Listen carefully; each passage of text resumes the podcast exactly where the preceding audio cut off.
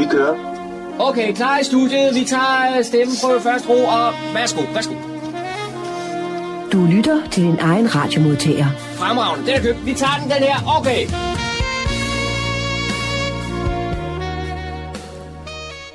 Med det siger jeg goddag og rigtig hjertelig velkommen til det program, der hedder Morgenkrøden. Mit navn er Kurt Kammersgaard. Har fornøjelsen her de næste to timer, hvor vi skal igennem et, uh, ja, endnu et program, kan man sige, med masser af indslag fra vores lokalområde. Det er jo det, vi beskæftiger os med her i programmet. Vi skal først med, tage jer med en tur ned til øh, uh, forårskoncert nede i Fredensborg, hvor det var Fredensborg øh, uh, Brancheensemble, der uh, holdt koncert, deres forårskoncert. Det foregik ned i en gammel biograf uh, i, uh, i Fredensborg, og der var der vi får nogle musikprøver på det. John Marco har været nede og med. Det er sådan et 40 koncert og fik lige sådan nogle smagsprøver på, hvad koncerten gik ud på. Det skal vi lytte til først. Don Marco har også besøgt af, hvad hedder den der, Visit Nordsjælland, der nu har fået et nyt kontor for øh, nemlig ned i Hillerød. Og vi skal høre, hvad de har at tilbyde for her af nye ting her i de kommende sæsoner. Det kommer af sommersæson, som det vist nok hedder, ikke også? Og hvad fremtiden øh, byder på, og grøn turisme, og jeg ved ikke hvad. Det hører vi mere om, når øh, øh John Markgren taler med Annette Sørensen, som er direktør for Visit Nordsjælland, og som så har kontor nede i Hillerød. Daniel har som altid nogle friske nyheder fra humleborg.dk, og så har vi også, som altid, i hvert fald de fleste gange, øh, cyberværet med altså, denne gang, hvor vi skal høre om, øh, hvad der nu er af fare ude på nettet, og som vi skal passe på. Der får vi gode råd der. Og så har øh, der også været en, øh, kan man sige her i kommunen, en besøg fra vores tyske venskabsby, Bad Berleburg, de har været heroppe i nogle dage, ikke også? Og, og de, er, de stammer jo fra det, der, dernede i Berleburg, der hedder Fredensborg Ring, i, nede i Berleburg. Og der skal vi høre uh, lidt om, det var den, uh, i forbindelse med deres besøg, alt hvad de har oplevet heroppe, og så holdt det sådan en afskedsmiddag for dem, hvor der var nogle taler, der blandt andet taler af borgmesteren. Han var også med, og så skal vi også høre lidt musik, musikalsk øh, underholdning. Det var der også taget højde for. Hvad har vi så mere? Jo, John Marco har været med til et pressemøde nede på Luciane. Vi skal nemlig høre om et uh, ny udstilling, der er startet dernede, som øh, går nok bare helt frem til august måned. Derfor er det måske meget rart lige videre, hvad det er for noget, vi skal vi kan høre om, eller opleve nede på, på, på Louisiana den kommende tid. Og så uh, har jeg så rodet rundt i noget forskellig musik, og det kom, lægger vi også ud med. Rigtig god fornøjelse her de næste to timer.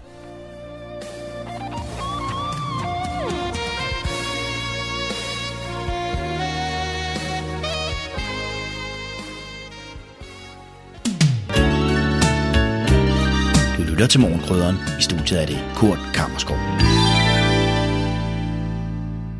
Så tager vi pulsen på en lokal musikalsk oplevelse.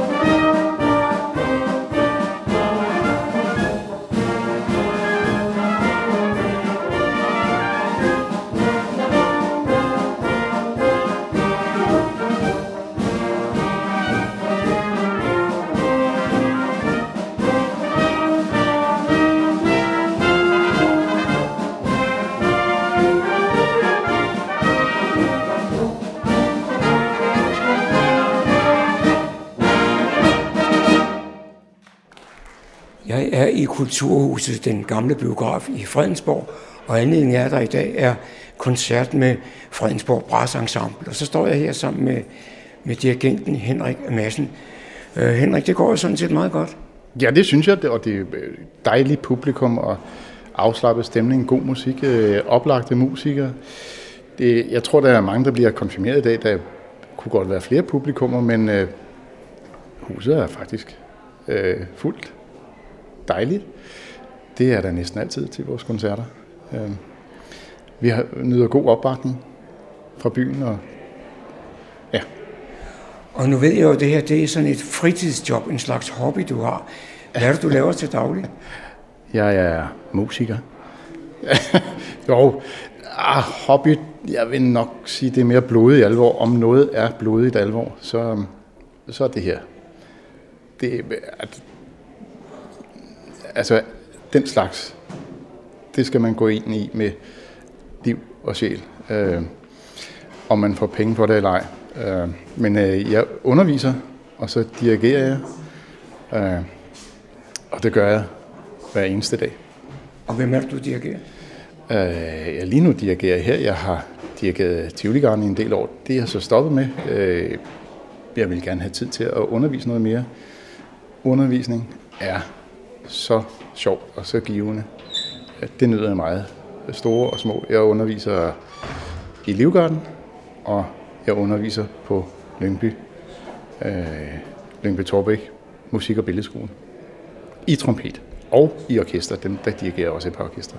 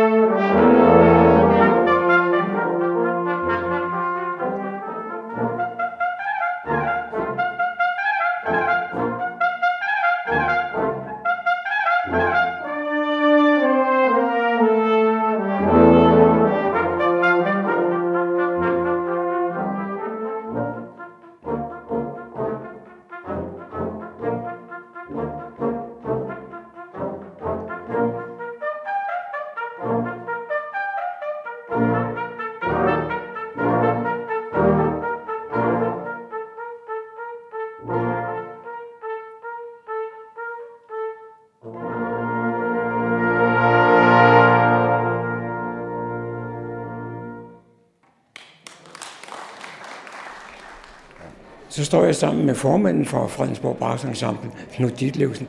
Og, og Knud, det var ikke så længe før, I skal have et andet arrangement. Nej, vi skal jo spille til pinsegudstjeneste nede i Præstegårdshaven i Asmenrød. Øh, og hvis det er sådan, det bliver regnvejr, så bliver det holdt over i Asmenrød Kirke. Øh, og Pigor er så stort, så brassensemble kan ikke være der sammen med. Så, så får vi så fri, hvis det er, det bliver regnvejr.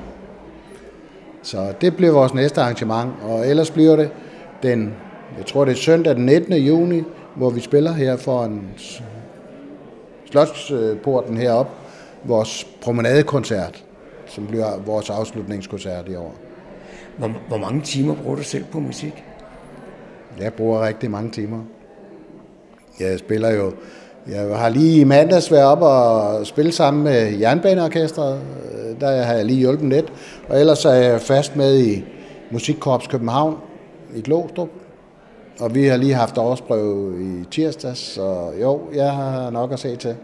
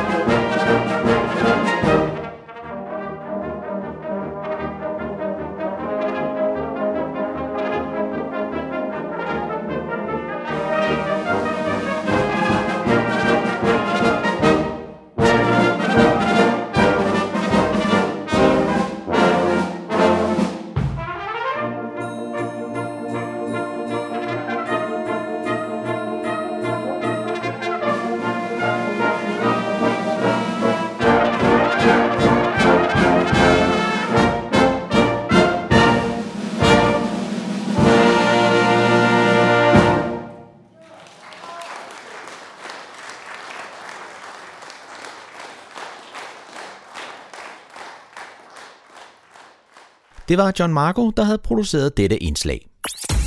Så er der igen blevet tid til lokale nyheder, kulturinformation og servicemeddelelse. De er alle sammen hentet fra humleborg.dk.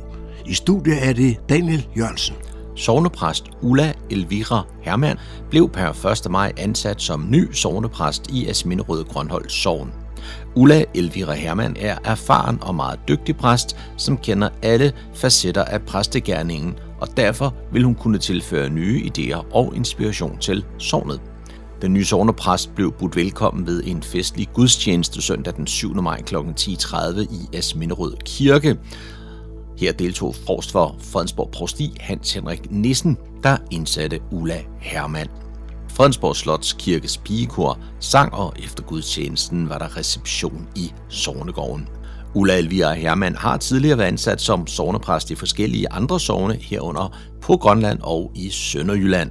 Og hun mener, at Folkekirken skal fortælle os, at vi er en del af et større fællesskab, en større historie, og at kirken er et vigtigt sted at have adgang til og føle sig velkommen i. Tirsdag den 16. maj, der kan man møde fremtidsanalytiker Christiane Vejlø og professor i datalogi Thor Husfeldt, når de sammen gæster Kunstmuseet Louisianas koncertsal til en samtale om fremtidens intelligens. Udviklingen af kunstig intelligens er med få måneder eksploderet. Chatbots kan konversere med mennesker, skrive velformulerede tekster og skabe falske billeder, der ligner virkeligheden på en prik. Og hvad er det for en teknologi, der udvikler sig? Kan og skal vi forsøge at styre og kontrollere den? Og burde vi være nervøse eller begejstrede? Denne aften taler Christina Vejlø og Thor Husfeldt om de uendelige muligheder ved kunstig intelligens på godt og ondt. Arrangementet er gratis for museets gæster, men pladsbestilling er nødvendig. Arrangementet begynder kl. 19.30, og der er nummererede pladser. Har du lyst til at få sat lidt ekstra perspektiv og refleksion på dine løbeture, så tag med på en litterær løbetur. Og det gør man sammen med Fredensborg Bibliotekerne og Kokkedal Løbeklub. Her bliver man først introduceret til et stykke tankevækkende litteratur om løb, serveret af den løbeglade litteraturformidler Mathias Nielsen. Det kræver ingen forberedelse, og man skal bare dukke op og lytte med.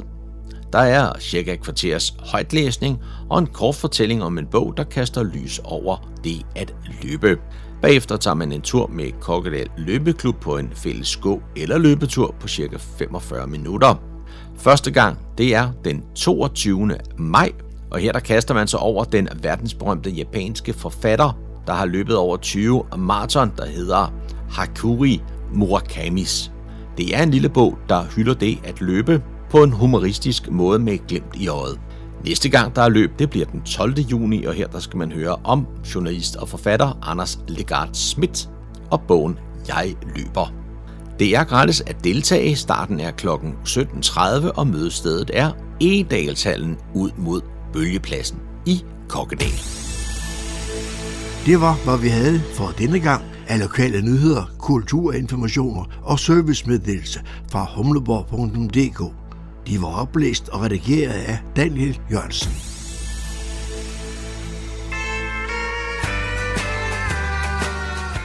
Radio Humleborg. Nordsjællands mest voksne lokalradio. Jeg er taget til Visit Nordsjælland i Hillerød, og jeg går indenfor hos direktøren af Nette Sørensen. Annette, det efterhånden ved at være længe siden, du og jeg har siddet øh, face to face. Sidste gang, der var det i Helsingør, og der lå kontoret midt i, der hvor det foregik. Og nu er I flyttet ud på, på landet. Ja, vi flyttede i en anden stor by. Altså vi flyttede fra Helsingør til Hillerød og sidder så i et stort erhvervshus øh, sammen med andre spændende virksomheder. Øh, blandt andet så sidder øh, en afdeling af Erhvervshus Hovedstaden sidder her, og dem samarbejder vi meget med. Og så sidder der også en organisation, der hedder C4, som er erhvervs... øh, Øh, afdelingen, der varetager alle de store virksomheder i Hillerød. Hillerød er jo den øh, kommune i Nordsjælland, der har de allerstørste øh, virksomheder, blandt andet Novi, Novo Nordisk og Fuji. Så man kan sige, at der er ikke så mange gæster, når vi kigger ud af vinduet, men vi er glade for det, for vi sidder i hjertet jo af Nordsjælland nu, og øh, vores dialog med erhvervet er lige så meget, at vi tager ud og snakker med dem, øh, holder møder med dem, øh, har netværksmøder osv. Så det er jo ikke, når vi sidder her, så er det jo for at få noget for hånden, altså for arbejdet med det, vi er sat i verden til. Jeg tænker ikke så meget på erhvervet, når jeg stiller spørgsmål. Det er mere med de her øh, turister, der kommer til byen. Jamen, øh, vores vigtigste opgave, hvis Nordsjællands vigtigste opgave, det er markedsføring, og det er destinationsudvikling. Så det, vi skal sætte i verden til, det er at få gæsterne til at komme, både regionalt, nationalt og internationalt. Og internationalt, der kan man sige, her efter corona, der er det nærmarkederne, øh, vi kigger på. Det er Norge, Sverige, det er Tyskland og det er Holland. Det er de markeder, vi samarbejder med. Når gæsterne så kommer her, så er det, vi har, ikke, vi har faktisk ikke flere turistinformationer øh, mere, øh, så er det jo ja, borgere, og så er det ikke mindst også aktørerne, der skal tage hånd om dem. Og så er det jo vores gode hjemmeside, vores øh, fine magasin, som er både på dansk og engelsk, og så vores fire oplevelseskort, som øh, gæsterne skal betjene sig af. Men de er altid velkommen til at ringe til os, og vi har også på vores hjemmeside, der kan man gå ind og chatte med os. Så der er masser af mulighed til at komme i kontakt med os. Men når man kommer her, så har man jo også valgt, man vil have op. Og så har man jo sat sig ind, det plejer jeg i hvert fald selv at gøre, sat mig ind i, hvad det er, jeg gerne vil komme og opleve. Nu skriver vi 2023, og der har været nogle år her, hvor vi har været lammet mere eller mindre alle sammen på grund af det, der hedder corona. Er man ved at vende tilbage til dagligdagen? Ja, det, det er man, men jeg må sige, at øh, turismen har været sat under pres. Øh, samtidig så, øh, altså jeg kan huske øh, 13. marts, eller det var faktisk allerede 11. marts, der havde vi en stor konference med 150 deltagere, der skulle afholdes den 12. marts. Øh, og så kunne vi godt se, hvad der var lå i kortene, at øh, vi kom til at aflyse øh, den her konference. Det handlede faktisk om, at vi skulle i gang med, sammen med erhvervet og sammen med politikerne, at sikre en mere grøn omstilling øh, af Nordsjælland. Så det måtte vi aflyse. Jeg kan bare huske om fredagen, fredag den 13. efter, Mette Frederiksen lukkede den 12. Øh, marts, at jeg satte mig hjem og kiggede ud af luften og tænkte, hvad skal vi gøre øh, hos Visi Nordsjælland? Hele vores erhverv er lukket ned. Øh, kulturattraktionerne er lukket. Øh, vi må gøre et eller andet. Og så mandag, så var vi, alle medarbejderne sad hjemme, så vi gik på på teamsmøder og klarede øh, faktisk, øh, mens der var lukket, øh, og vi ikke rigtig lige kunne mødes, fordi vi jo også, kan man sige, bliver underlagt lidt af det samme som det kommunale system. Alle medarbejderne der var jo også sendt hjem, så det følger vi selvfølgelig øh, også for at passe på hinanden, øh, at vi ikke skal sidde og smitte hinanden. Så vi klarede alting digitalt, og det vi gjorde, det var, at vi faktisk øh, tilbød øh, nogle af de virksomheder, som ikke var så dygtige på hjemmeside eller til online salg, og så gik vi i gang med at hjælpe dem de kommende måneder. Og så øh, besluttede kommunerne faktisk at give os ekstra penge, og øh, staten gik heldigvis også i gang med at understøtte vores de virksomheder, der måtte lukke, øh, med at de kunne søge øh, øh, midler. Øh, og så blev der åbnet lidt hen over sommeren, øh, og det gjorde der sådan set også i 21. Så det er egentlig lidt, vil jeg egentlig sige, så har Nordsjælland en af de destinationer i Danmark, der har klaret sig aller, aller bedst igennem. Faktisk så gik vores turismeomsætning ikke voldsomt ned i 2020 gjorde den, men egentlig ikke i 2021. Der slog vi faktisk rekord. Vi slog også rekord i 2021 med overnatninger. Og det har selvfølgelig noget med, at øh, vi havde ingen udenlandske gæster, vi havde ingen kampagner, men danskerne blev hjemme, og danskerne synes jo på samme måde som vi gør, at Nordsjælland er vidunderlig. Så de tog virkelig øh, flittigt op til Nordsjælland. Plus vi har nogle sommerhuse, hvor sommerhusejerne også benyttede. De flyttede jo nærmest op øh, et halvt år, for også fordi de kunne sidde derhjemme og arbejde hjemmefra. Så jeg vil sige, vi er kommet godt igennem. Det, jeg var mest nysgerrig omkring, det var, om forholdene er ved at være normale. Ja, men egentlig, så, som jeg lige nævnte før, så øh, har vi jo ikke været voldsomt ramt i Nordsjælland, også takket være både nogle nationale penge og også kommunale ekstra midler. Men øh, da vi sådan troede, at det hele kom tilbage, så kom den her krig i Ukraine, som i virkeligheden har presset branchen mere, fordi det har både betydet høj inflation og høje energipriser. Og der sidder et erhverv selvfølgelig og bekymret øh, for, hvad det får af konsekvenser. Så, øh, og så vil jeg sige, at et kulturområde er nok det, der har været aller, aller hårdest ramt øh, ved, at de har haft lukket i perioder. Så de er ikke nået helt tilbage, øh, men vi går igen ud i 2022 med rekordhøj øh, overnatning, og derved også øh, forventeligt også en høj turismeomsætning. Så, så indtil videre ser det positivt ud. Øh, nu kigger vi ind i 23 og håber ikke, at denne her høje inflation og de her øgede energipriser, øh, at det giver begrænsninger i. Og så kan jeg også være lidt bange for, at de danskere, som holder ferie hjemme, tager til udlandet nu. Jo, nu er der gået en, en tredjedel af året. Øh, kan du fornemme, hvordan det er gået indtil nu? Det kan jeg godt. Øh, altså indtil videre, så er det øh, hotellerne øh, er gået godt. Øh, vi forventer, vi hører fra camping, altså deres påsken i, i de øh, mest spændende campingpladser, vi har, har haft en rigtig god øh, sæson i posten her. Øh, feriehusudlejningen, der har ja, vi begyndt at få de udenlandske gæster tilbage, og de danske gæster, de holder sig ikke en uge, de holder, øh, hvad hedder det, for eksempel torsdag, fredag, lørdag søndag, eller mandag, tirsdag, onsdag, torsdag. Så de holder altså kortere tid, men de bruger så også mere flere penge. Så øh, indtil videre er vi optimistiske også i forhold til 23. Nu lagde du ikke skjul på, at Nordsjælland det er et dejligt sted at, at være turist. Men hvad er det egentlig, I kan tilbyde? Jamen altså, Nordsjælland er jo, det er jo derfor, du og jeg bor her. Det er, at Nordsjælland er, har jo en fantastisk natur, har en fantastisk kyst, har nogle fantastiske attraktioner. Øh, vi, har, vi er rigtig dygtige til værtskab. Øh, og takket være vores gæster, så er, har vi altså levende byer, fordi de går altså ud og spiser, de går ud og shopper, de går ud og, og er sikre sig, at vi som borgere fortsat har en øh, levende, spændende øh, destination. Vi kan vandre, vi kan cykle, vi kan bade, vi kan det hele heroppe. Og øh, man skal ikke gå ret langt, så har man et slot, man kan næsten kigge på, øh, eller i hvert fald nogle ruiner også, som også er spændende. Så altså, vi har jo en fantastisk øh, historie heroppe også. Så skal jeg lige høre dig, kører I efter sådan et mere eller mindre fast program året rundt, eller sker der også noget nyt? Der sker masser af nyt, men jeg vil sige, at det vi gør, det er, at vi har et årshjul. Så alle de aktiviteter, som vores erhverv kommer ind med, øh, nu åbnede der for eksempel i, øh, her i, øh, i fredags åbnede der øh, labyrinten op i Geleje, som er en 7 km tur, man kan tage dig op. Det er simpelthen så sjovt. Der er quizspørgsmål, og man kan hurtigt fare vild, hvis det er, man ikke tænker så godt om, om man skal gå til højre eller venstre i den her, de her quiz. Der er alle mulige. Vi var selv, øh, hele min afdeling var deroppe øh, for at prøve det, og der var turismespørgsmål, øh, og der må vi sige, at vi kiggede på den anden ene og sagde, nu har vi bare svaret rigtigt, fordi så kender vi ikke vores destination godt nok. Så det kan varmt anbefales. Og der popper jo nye restauranter op, og der popper jo forskellige aktiviteter, og vores attraktioner har jo vildt spændende udstillinger hele tiden. Så øh, der sker masser af ting her.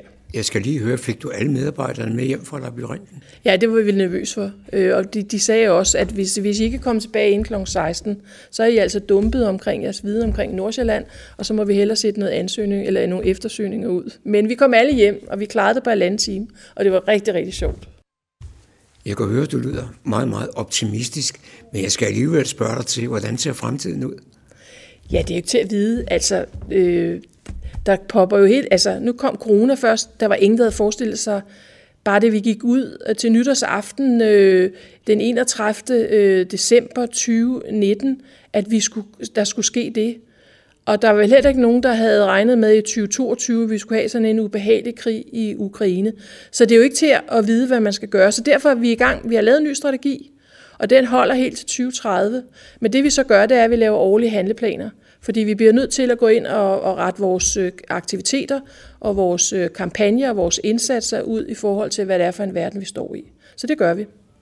Man kan ikke åbne sit fjernsyn, sin radio eller sin avis, uden det hele skal være grønt. Det er lige før overskrifterne også er grønne.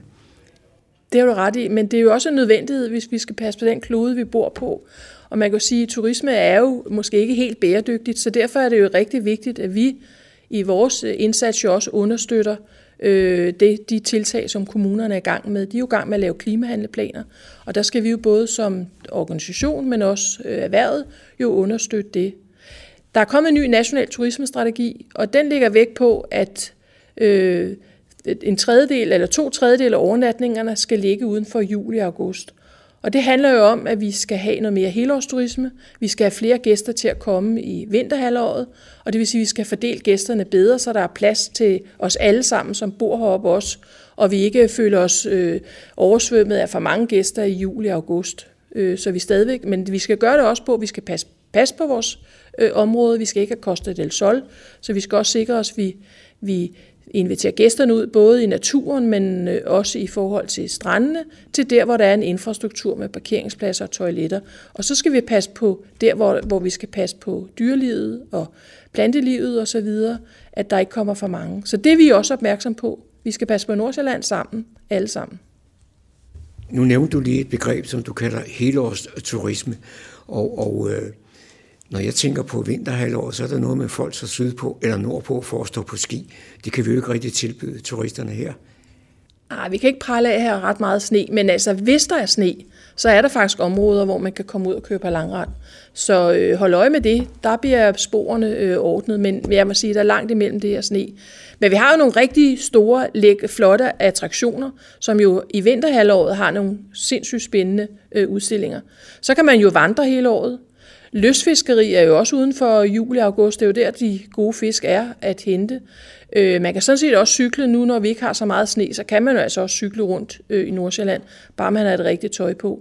Så der er jo masser, masser af aktiviteter her, øh, vi kan. Øh, og så øh, skal man altid supplere det med at gå ud og spise godt, og, og vores butikker er jo åbne hele året, så det er der altså også øh, mulighed for. Som sagt, så sidder vi her i Hillerød, og det er år 2023. Og mange af de informationer, øh, vi skal bruge, dem henter vi jo på nettet. Ja, og der skal man simpelthen gå ind på vores hjemmeside, øh, visitnordsjælland.dk eller visitnordsjælland.com. Øh, man skal passe på, der, der er en anden aktør, der har lavet en hjemmeside, som ikke er særlig god, så sørg nu for at komme ind på den rigtige. Når I kommer ind på den, der kan I gå ind og søge på alt, hvad der overhovedet er af aktiviteter, som er gæsteorienteret.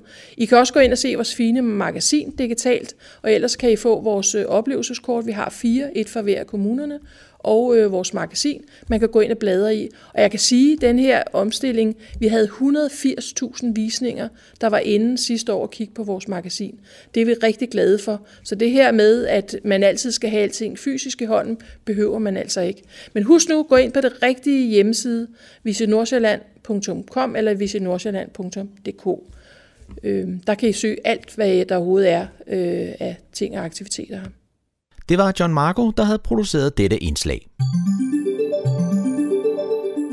Hver dag er der desværre danskere, der får hacket eller stjålet deres Facebook-konto. Men er der noget, man kan gøre for at redde sådan en stjålet Facebook-konto? Og hvad bør man gøre for i det hele taget at undgå det? Cyberværet med IT-sikkerhedseksperten Leif Jensen. Mit navn er Leif Jensen, og jeg har arbejdet professionelt med IT-sikkerhed i snart 30 år. Min viden og erfaring, dem vil jeg meget gerne bruge til at holde dig opdateret om aktuelle hackerangreb, cybertrusler, online-svindel og andet, der vedrører. Stort set os alle sammen, både privat og ude i virksomhederne. Jeg hører ofte fra folk, som har fået stjålet deres Facebook-konto og siger, hvad skal jeg gøre for at få den tilbage igen? Og et eller andet sted, så har vi måske vendt os til, at det er lidt for nemt at få tingene tilbage igen på internettet. I hvert fald, når vi bare har glemt vores password, så tænker vi, nå, men send mig et nyt password. Sådan fungerer det desværre ikke på Facebook. Når hacker de overtager en Facebook-konto, så i mange tilfælde, så er de faktisk rigtig dygtige. Så får de lynhurtigt ændret e-mailadressen, og hvis der er tilknyttet et telefonnummer til kontoen, så får de også ændret det, fordi de ved godt, at en måde at genskabe sin konto på, det er at sende et uh, nyt password til et telefonnummer, i stedet for til en e-mailadresse, som er blevet ændret. I nogle tilfælde, så kan man være heldig, at Facebook de sender en mail, hvis det er sådan, de opdager, at en e-mailadresse er blevet ændret på en konto. Så skal man lige kigge i sin mailbox. Øh, det er nok det første, man skal gøre, hvis man har fået overtaget sin Facebook-konto. Kig i mailboksen, og er den ikke i indbakken, jamen så måske under spam, hvis den er blevet filtreret fra der. Kig efter, om der er kommet en mail fra Facebook, der siger, din mail er blevet ændret. Er det virkelig dig, der har gjort det? Og så får du mulighed for at sige, det er ikke dig. Men i nogle tilfælde, så hører jeg fra folk, som aldrig har fået sådan en e-mail. Og så kan det faktisk godt være lidt svært. Er det kun mailen, der er blevet ændret, så kan man godt være heldig og kunne komme ind alligevel. Åbne en browser på en PC, og så gå på facebook.com og prøve at logge ind med brugernavn og password, i hvert fald det sidste password, som du havde og så siger den, at passwordet er forkert, og at du kan få mulighed for at gendanne dit password. Når du så bliver bedt om, hvordan du vil verificere dig, hvis du har tilknyttet et telefonnummer til din konto, så vælg, at den verificeringskode skal sendes til din telefon, i stedet for til e-mailen. For hvis det er e-mailen, så får du den jo selvfølgelig aldrig. Men du kan desværre ikke være sikker på, at den her mulighed den virker. Så derfor er det en rigtig god idé lige at have brugt 5 minutter på at sætte sin Facebook-konto op med lidt beskyttelse, sådan at du ikke havner i den her situation i det hele taget. Nå, men hvad kan man så gøre for at beskytte sin Facebook-konto, så der ikke er nogen, der kan overtage den? Jo, der er to helt basale ting, som du bør gøre. Nummer et, det er naturligvis at sørge for, at du har et rigtig godt password. Og det password, det skal altså helst ikke, eller nej, det må ikke være det samme som det password, du bruger til din e-mailadresse. Allerhelst, så skal det være et password, du kun og udelukkende bruger til Facebook. Det næste, du skal gøre, det er at sikre, at du bruger det, som kaldes totrins godkendelse. Nogle gange kaldes det også tofaktor godkendelse, men i Facebook-sprog, så hedder det totrins godkendelse. Både opsætning af password og opsætning af totrins godkendelse, det finder du, hvis du logger ind på Facebook, og så klikker på din profil, og ind under indstillinger, så leder du efter adgangskode og totrins godkendelse. Så er der nogle venlige wizards, som guider dig igennem, hvordan du opsætter det her. Men hvad er totrins godkendelse egentlig? Jo, det er typisk, at man først indtaster sit password, og kobler man på fra en ny enhed eller en ny webbrowser, jamen så siger Facebook, hov, dig kender vi da vist ikke rigtigt på den her enhed, så du skal lige verificere, at du nu også er dig. Og så kan man sende en sms til din mobiltelefon, forudsat at du har tilknyttet et mobiltelefonnummer. Så det vil sige, hvis en kriminel forsøger at overtage din konto, så bliver der med det samme sendt en sms med en kode til dig, og den kommer altså ikke til banditten. Så derfor så kan han ikke komme videre med sit forhævne. Så et godt password og to godkendelse, så er du rigtig godt beskyttet på din Facebook. Og når du så er på nettet, så lad være med at falde for de her phishing-kampagner, som siger, at du skal lige indtaste dit Facebook-brugernavn og password, fordi så er du sådan set lige vidt. Det var cyberværet for denne gang. Vi er tilbage igen med en ny cyberværetudsigt igen næste uge. Tusind tak, fordi du lyttede med. Du lytter til morgenkrydderen. De sidste dage i april måned var der besøg fra Bad Berleburg i Tyskland. Berleburg er jo Fredensborgs venskabsby. Personerne, der var til stede her, det var folk, der var med i det, der hedder Fridensborg Ring, og de besøgte Berleburg-klubben, hvor de fik et par spændende dage i Nordsjælland og København. Jeg deltog i afskedssammenkomsten, der foregik i Lindehuset i Fredensborg søndag den 30. april. Det er den tidligere formand i Berleburg-klubben, Ole Holte, der byder velkommen. Vi skal lige have budt velkommen til, til gæsterne, både på tysk og på dansk. Jeg har både tyske og danske gæster, så jeg har sådan en lille forberedelse af det, øh, hvor vi får budt velkommen her. Erstmal ein Begrüßung mit ein Weißwein aus der Mosel vom Jüngling. Mere var en, var en Jüngling. Flere af jer har været med på Moseltur, hvor vi var nede hos Jüngling i Nøgmarken. Så Prost. Prost! Prost! Prost! Mm. Og det er rigtigt nok, jeg har flasken her, så I kan se. Nå, men jeg har lige skrevet lidt ned, fordi øh, jeg skal ikke huske, hvad jeg skal sige. Men øh, ich will euch alle am heutigen Abend in Lindehuset herzlich willkommen heißen. Wir wollen gemeinsam Abendessen mit Getränke bekommen und auch mit musikalischer Begleitung von einer tolle Quartett. Die sind schon hier. Wo auch Gesang ist ein Teil davon.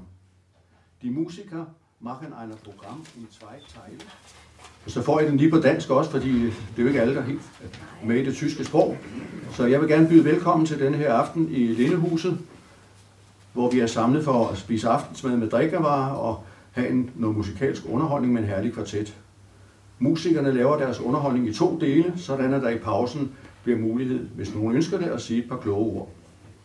Jeg ved, at øh, vores borgmester, Thomas Lykke Petersen, har noget på hjerte. Siden 1968, altså i 55 år, har vi opbygget det her herlige venskab mellem Fredensborg og Berleborg. Og personligt har jeg siden 1993 været i bestyrelsen i vores forening, og sammen med Lone har vi i løbet af de her 30 år mere end 80 gange været i Berleburg, enten til Skyttefest, Dixieland Festival, eller forskellige markeder eller privatbesøg. Det program, som vi havde planlagt i forbindelse med tyskernes besøg, har vi fået gennemført, og vi håber igen at få, at de har fået et godt indtryk af Fredensborg og Nordsjælland.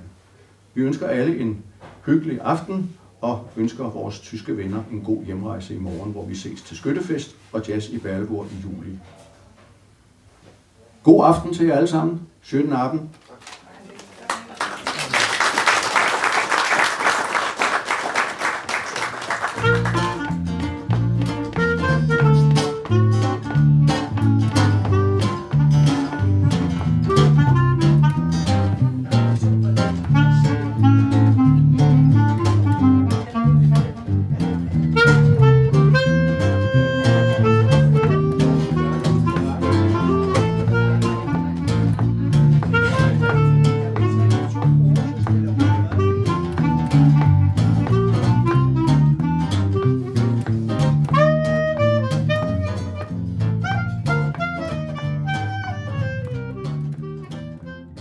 Afskedsfesten i Lindehuset var der musikalsk underholdning, og det var Grønlund kvartetten fra Roskilde, der stod for det. Nu giver vi så ordet til Fredensborgs borgmester, Thomas Lykke Pedersen. Liebe Freunde aus Bad Berleburg, lieber Fredensborg-Ring, es ist mir eine große Freude, euch heute hier zu sehen und euch zu einem weiteren Besuch in der Gemeinde Fredensborg willkommen zu heißen. Ich hoffe, ihr habt so wohl viel Spaß als auch ein interessantes Programm, bei dem ihr euch gut in Neuseeland zurechtgefunden habt. Ich habe das Programm so gelesen, dass ihr dieses Mal bei mehreren Gelegenheiten besonders nach am Wasser und Meer wart, genauer gesagt am Øresund. Jeg gennemgik sådan lige kort programmet og roste de steder, de havde valgt, og håber, de har fået nogle, øh, et godt udbytte af, af turen her i, i Nordsjælland. Og det har været et spændende program, og jeg vil også gerne takke øh, foreningen, hvad hedder det, Venskabsby øh, foreningen her i, i Fredensborg, Ole og Lone og dem, der sidder i bestyrelsen for, at I tager initiativ det her, til det her. Det er vigtigt at holde fast i det venskabsby-samarbejde, vi har med Bart Berleburg. Og som Ole sagde, det er jo noget, der har gået rigtig mange år med, og vi har haft nogle rigtig festlige øh, hvad hedder det, lejligheder, også når vi er til, til skyttefest. Og vi håber også i byrådet, at vi på et tidspunkt, vi kommer ikke til skyttefest i år, men vi håber, at vi kan komme og besøge dem til skyttefesten til næste år. Tak.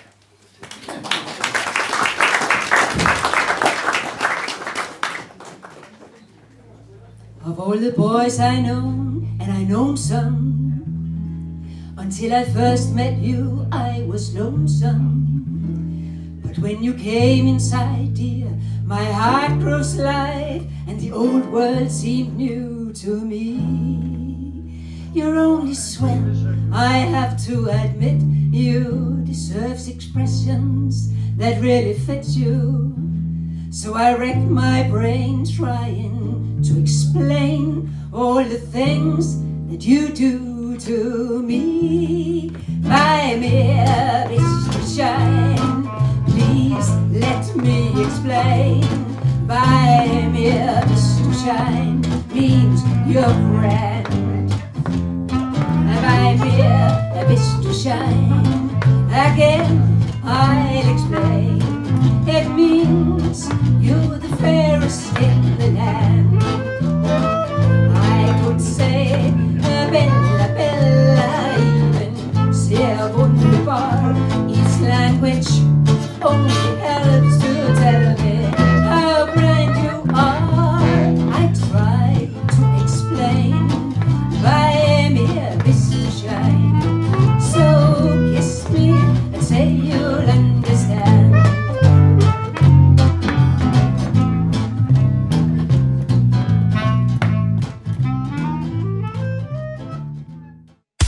Indslaget var produceret af John Marco.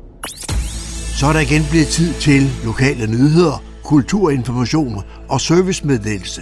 De er alle sammen hentet fra humleborg.dk. I studiet er det Daniel Jørgensen. Humlebæk har i den seneste tid oplevet flere indbrud end normalt, fortæller Nordsjællands politi i et opslag til byens borgere på Facebook. Der er i øjeblikket en særlig grund til at have fokus på indbrudsforebyggelse og nabohjælp i området. I Nordsjælland bliver langt de fleste indbrud begået via vinduer, enten ved opbrydning eller aflæsning af ruder. Derfor kommer man rigtig langt i forhold til indbrudssikring ved at sikre sine vinduer med indvendige sikringsbeslag og indvejsskruer. Og hvis man har brug for inspiration, er der rigtig meget at hente på hjemmesiden botrygt.dk. Blandt andet, hvor man kan købe sikringsbeslag til sine vinduer og hvordan man installerer dem. Her kan man også bestille et besøg af en indbrudsekspert til sit boligområde, og er i øvrigt fuldstændig gratis, oplyser politiet til borgerne. I vil være så meget til stede i jeres område som muligt, men vi opfordrer til, at folk hjælper os med at holde øje med mistænkeligt adfærd og melde det ind til os på telefon 114, hvis man ser noget i den kommende tid, melder politiet. En mistænkelig adfærd det kan være personer, der kigger ind i folks huse og haver, biler, der kører langsomt rundt i kvarteret og rekognoserer især udenlandske biler, og folk, der banker på med forskellige forespørgelser. Berleburg-klubben, der i 2023 kan fejre 55 års jubilæum, havde i dagene 27. april til 1. maj besøg fra klubbens søsterforening Fredensborg Ring fra den tyske venskabsby Bad Berleburg. En delegation på 16 personer ankom om torsdagen til Fredensborg, hvor gruppen blev indlogeret på Fredensborg Vandrehjem. Fredag, lørdag og søndag var gæsterne fra den midttyske venskabsby på udflugt og besøg i Fredensborg og omegn.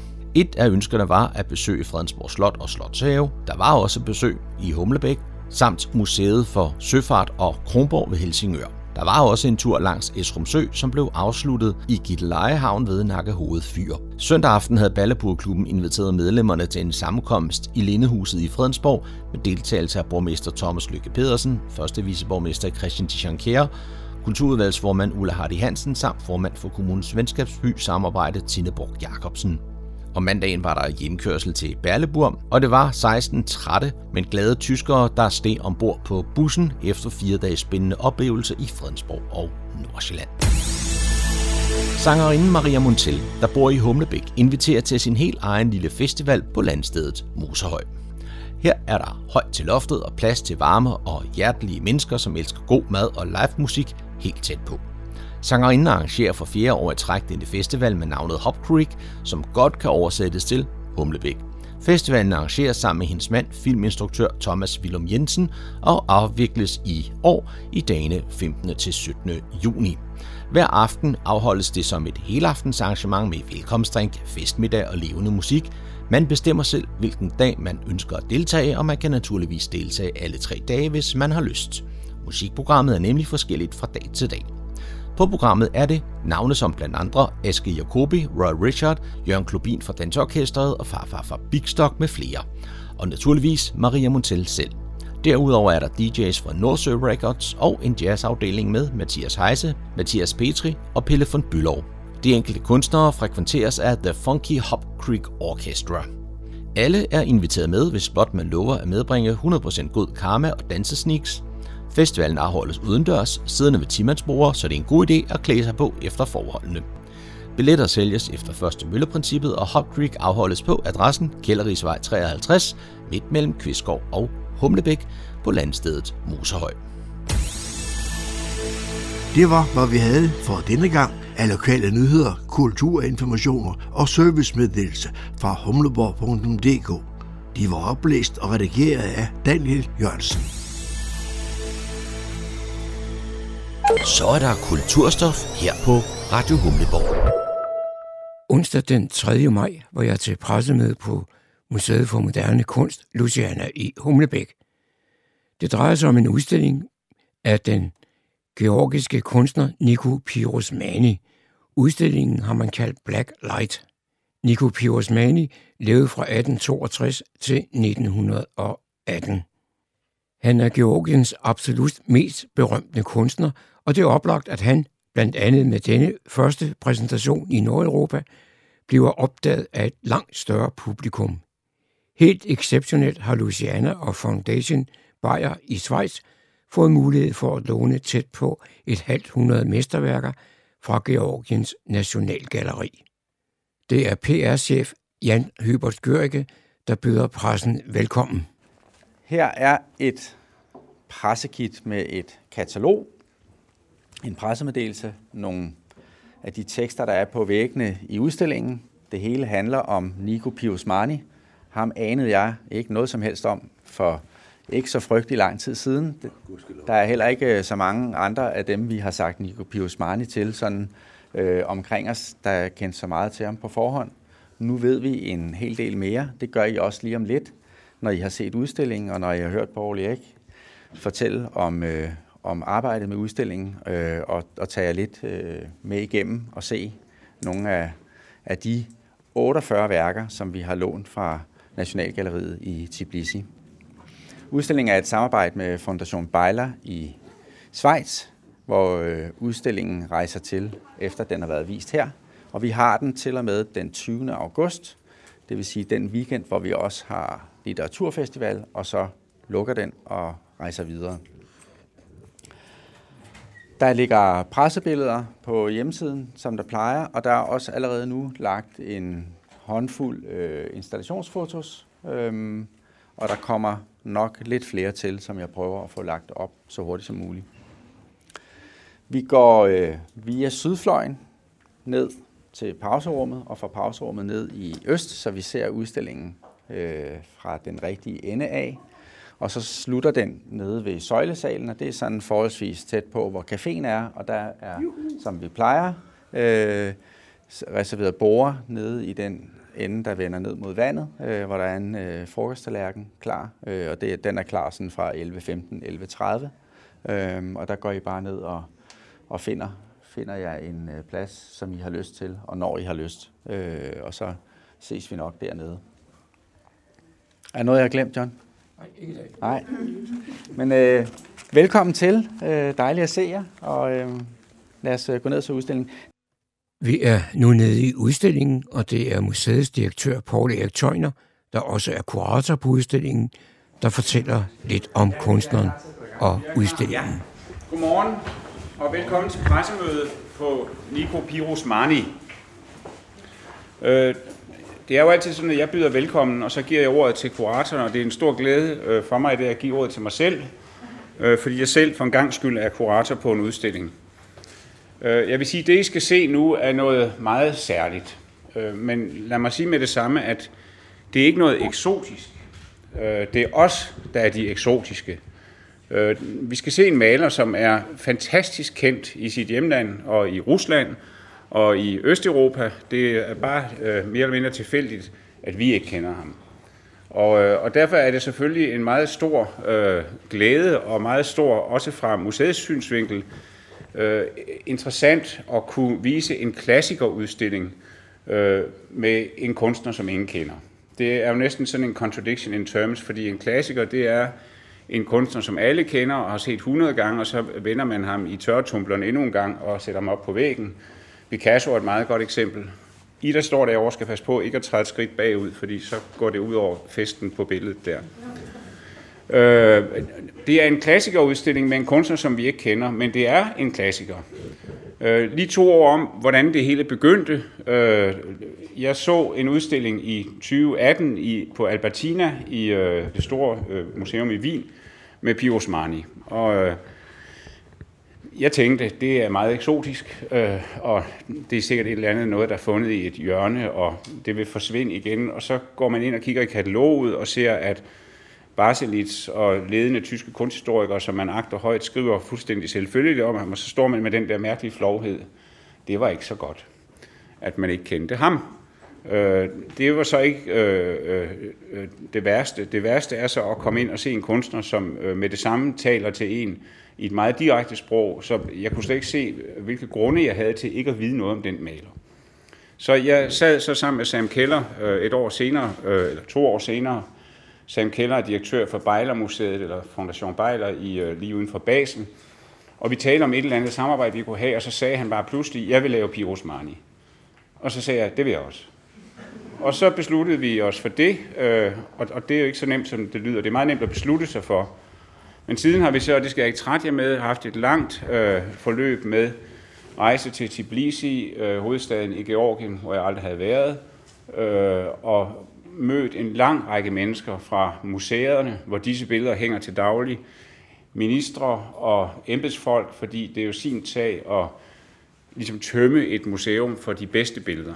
Det, hvis, hvis vi skal komme med et billede på det fra vores kontekst, så ville det svare til, bortset fra Tbilisi i hovedstaden, at der kom nogle meget sjove museumsfolk fra øh, Venezuela op til Skagen og sagde, at vi vil godt låne hele jeres samling i perioden maj til september. Øh, jeg tror, at Lisette vil være en lille smule sådan øh, i år for sådan et, et setup. Nu skal det siges, at der er andre billeder tilbage i øh, Tbilisi, men vi har altså mødt meget, meget stor velvilje. Vi har lavet en liste over billeder, som vi deler på udstillingen her og i Schweiz, og øh, og det er de absolute mesterværker, vi har fået lov til at låne. Der mangler en lille smule, hvis man skal være helt ærlig og nøgtern, og det er selvfølgelig de værker, som er i de russiske samlinger, som vi jo ikke har nogen kontakt til af gode grunde på grund af krigen i Ukraine. Øh, men der er rigeligt til at tegne et billede af den her mester fra Georgien. Den sidste ting, jeg vil sige, inden jeg ligesom begynder at gå med det er, øh, det er jeg kan jo, altså, når, når kuratorerne taler, så, så hører jeg altid efter, så tænker jeg, så kan jeg supplere de, de glemmer. Jeg kan jo ikke både høre efter, hvad jeg siger, og sige noget. Så jeg håber ikke, at jeg glemmer noget, ellers må I så spørge. Øh, men det sidste, jeg vil sige, er, at vi har lavet en channelfilm, hvor vi har spurgt fem øh, kunstnere, øh, Mama Andersson og Dana Schutz øh, og Tal, og to georgiske kunstnere, Andrew Vekua og Tia Giordatse, om de ikke vil sige noget om det her. Og indiciet på, hvor god han er, det er, at de sagde ja på et minut alle sammen. Altså, det, han er en kunstnernes kunstner. Tal har ligefrem malet sit eget Pius Marni-billede, det kan I se i filmen. Så, og, og det synes jeg er sjovt. Man behøver, det behøver ligesom ikke, øh, vi behøver ikke at, at trække på stor solidaritet med Luciana og Channel og Kom Nu og sådan noget. Der var en, en umiddelbar øh, interesse for at kigge på det her fra unge kunstnere. Picasso var meget begejstret for ham. Øh, Georgierne er jo også i Paris. Pius Mani, ikke? Picasso har lavet, tror jeg, 37, en, et portræt af ham, hvor han står og maler øh, en, et, en etching, en, hvad hedder sådan noget, en radering, ikke? Øh, så der er, han har virkelig en standing øh, udstilling på Louvre i 67, øh, sidenhen som nævnt på Albertina, og nu her og i Schweiz. Og det her det er den største udstilling nogensinde, selvom den kun har 49 billeder. Så øh, jeg er selvfølgelig utrolig spændt på, hvad, hvad I siger, og hvad folk siger. Øh, det er jo sin sag at, at vise noget, som ingen kender. Det gør vi hele tiden med samtidskunst. Det ligger ligesom i kontrakten med folk, men altså at trække en klassiker op af hatten og sige, at det her det er et vigtigt stof, det synes vi, det er, og vi synes, det er vildt fascinerende, og det er meget smukt. Udstillingen Black Light med Nico Piosmanis værker kan ses på Kunstmuseet Luciana frem til den 20. august 2023.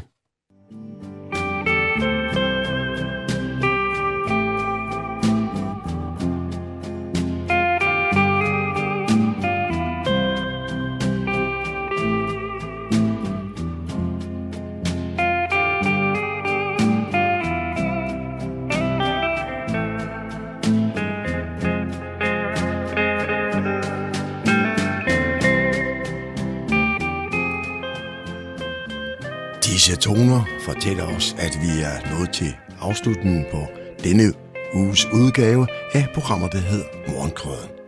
Her fra redaktionen, som består af undertegnet, jeg hedder Kurt Kammersgaard. Ja, der siger jeg tak for nu, og på genhør en anden god gang.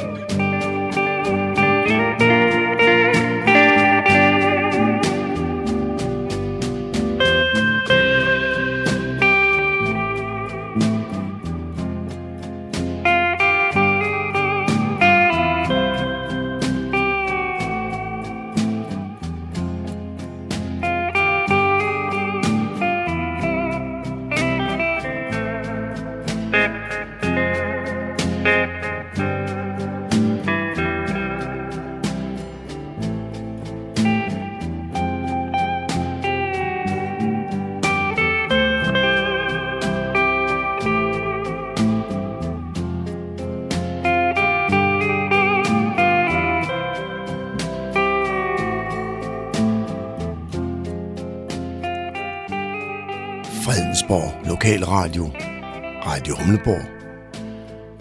Nordsjællands mest voksne lokalradio.